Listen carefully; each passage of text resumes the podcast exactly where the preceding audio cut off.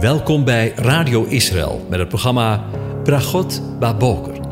Een kort ochtendprogramma waarin een gedeelte uit de Bijbel wordt gelezen en besproken. Met Bragot Baboker wensen onze luisteraars zegeningen in de ochtend. Presentator is Kees van de Vlist.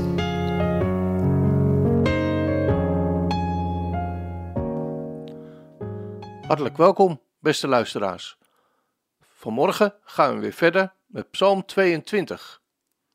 Ik lees een gedeelte aan je voor. Want hij heeft de ellendige in zijn ellende niet veracht en niet verafschuwd. Hij heeft zijn aangezicht niet voor hem verborgen, maar hij heeft gehoord toen hij tot hem riep. Van u zal mijn lof zijn, in een grote gemeente. Mijn gelofte zal ik nakomen in bijzijn van wie hem vrezen. De zachtmoedigen zullen eten en verzadigd worden. Wie de Heere zoeken, zullen hem loven. Uw hart zal voor eeuwig leven. Tot zover. Over zachtmoedigen gesproken. De dichter van de psalm schrijft ons: De zachtmoedigen zullen eten en verzadigd worden. Zachtmoedigheid is nu niet bepaald een eigenschap die we in de tegenwoordige tijd waarin wij leven vaak tegenkomen. Helaas onder ook veel christenen niet. Maar wat is zachtmoedigheid eigenlijk? Het Hebreeuwse woord wat hier in de tekst gebruikt wordt is anaf en anava. In het Eerste Testament betekent het gebogen zijn. Anaf is ten opzichte van Yahweh en zijn wil onderworpen zijn, deemoedig. Ani, waarvan het woord is afgeleid, is arme, ellendige. En Anaf heeft de betekenis van ootmoedige. Jesaja 29, vers 19 zegt: En de zachtmoedigen, Anavim, zullen vreugde op vreugde hebben in de Heere, en de behoeftigen onder de mensen zullen zich in de heilige Israëls verheugen. Tot zover een klein beetje Hebreeuws. Het Hebreeuwse woord voor zachtmoedigheid wordt voor het eerst genoemd in de relatie tot iemand die van nature nou niet echt zachtmoedig was. Mozes, de man naar Gods hart.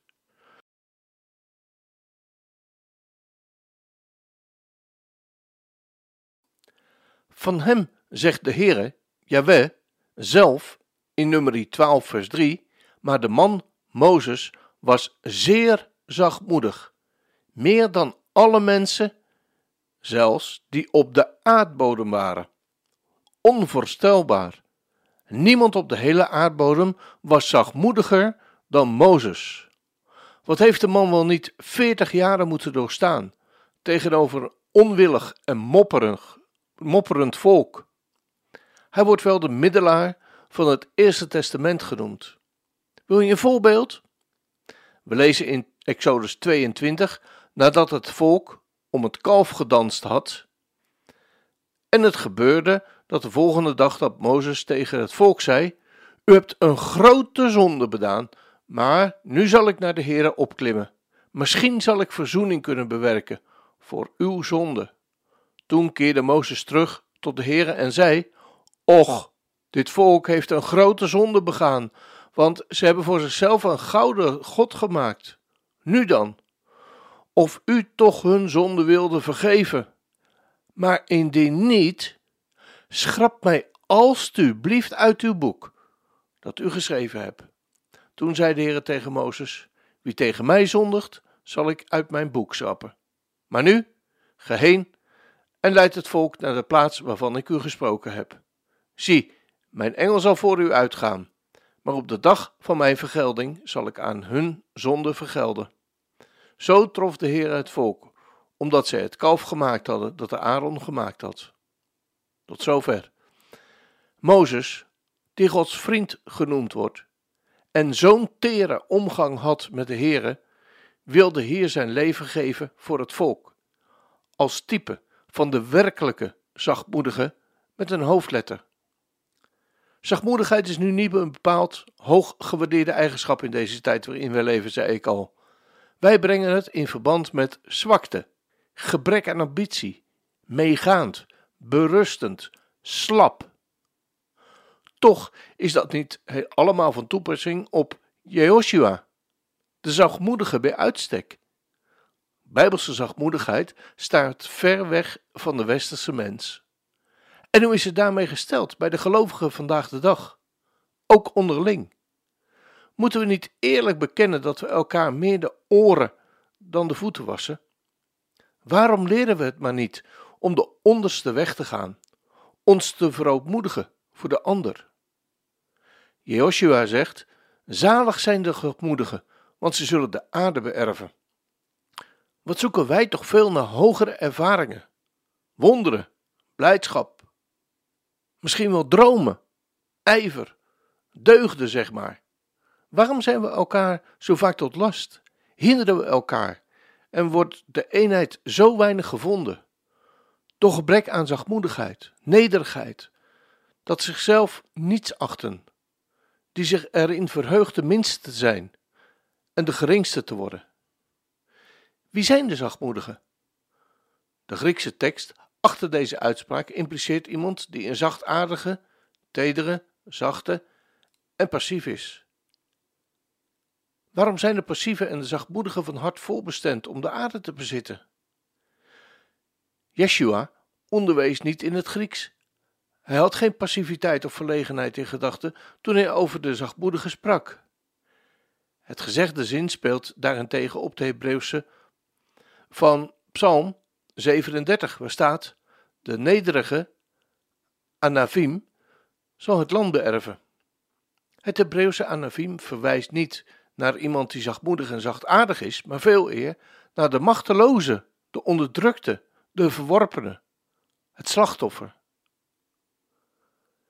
Psalm 37 koppelt de bescheidene aan degene die op de Heere wachten en het stelt de nederige tegenover de boosdoeners en de goddelozen. Want boosdoeners zullen uitgeroeid worden, maar degenen die op de Heere wachten, zij zullen het land beërven.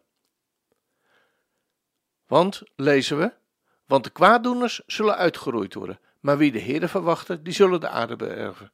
Nog even, en de goddeloze zal er niet meer zijn. U zult op zijn plaats letten, maar hij zal er niet wezen. Maar de zachtmoedigen zullen de aarde bezitten en vreugde scheppen in grote vreugde. Het Hebreeuwse woord voor aarde, eretz, betekent ook land, en in dit verband verwijst het specifiek naar het land Israël. In die zin verwijst de zaligspreking naar de gelovige Joodse volk dat eeuwenlang geleden heeft en ook vandaag de dag nog steeds lijdt onder het antisemitisme en de onderdrukking en verdrukking. Maar de, rollen, maar de rollen zullen omgekeerd worden.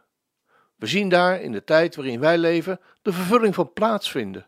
We zijn er bijna, maar nog niet helemaal, zei een bevredende predikant voor mij altijd in zijn preken. Het Messiaanse tijdperk zal de rollen omkeren.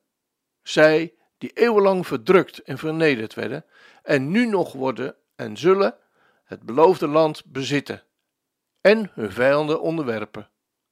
Dan zal de profetie van Maria de moeder van de Heer Jezus, in vervulling gaan. Hij heeft een krachtig werk gedaan door zijn arm. Hij heeft die hoogmoedig waren en zijn in gedachten van hun hart uiteengedreven. Hij heeft machtigen van de troon gestoten en nederigen heeft hij verhoogd. Hongerigen heeft hij met goede gaven verzadigd en rijken heeft hij met lege handen weggezonden.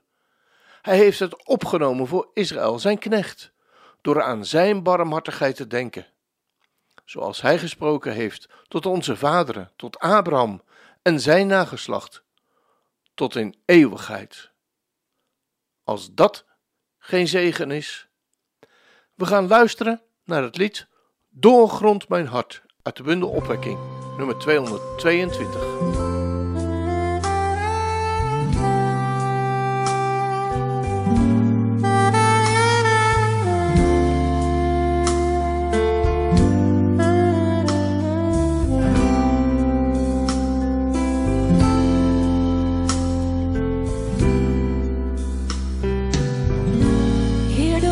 maak het echt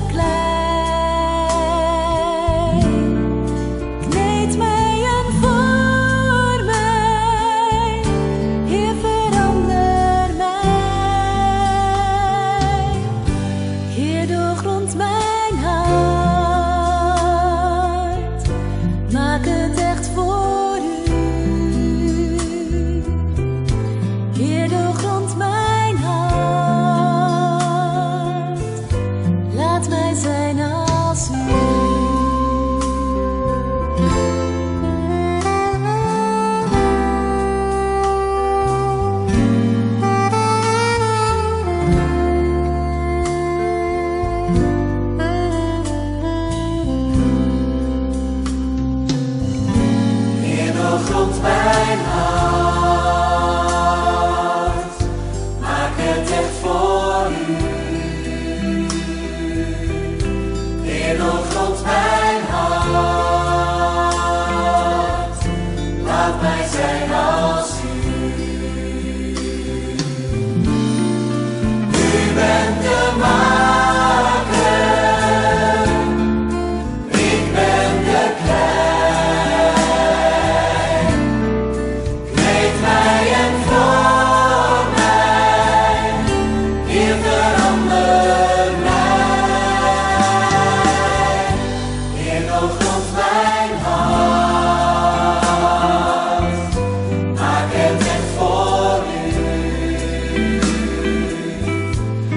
너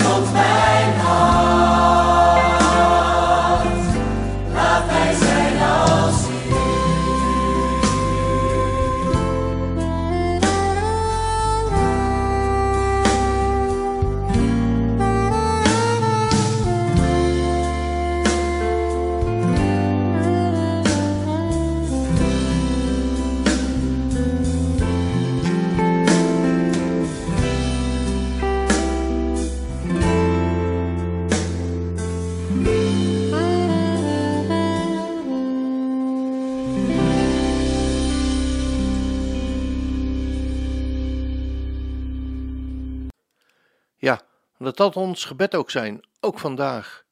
Heer, doorgrond mijn hart. En ik wil zijn als u. Zal dat geweldig zijn, als we zo vervuld mogen wezen met de Heere God. Dat wens ik jou, maar ook mezelf vandaag toe. Ik wens je een van God gezegende dag toe.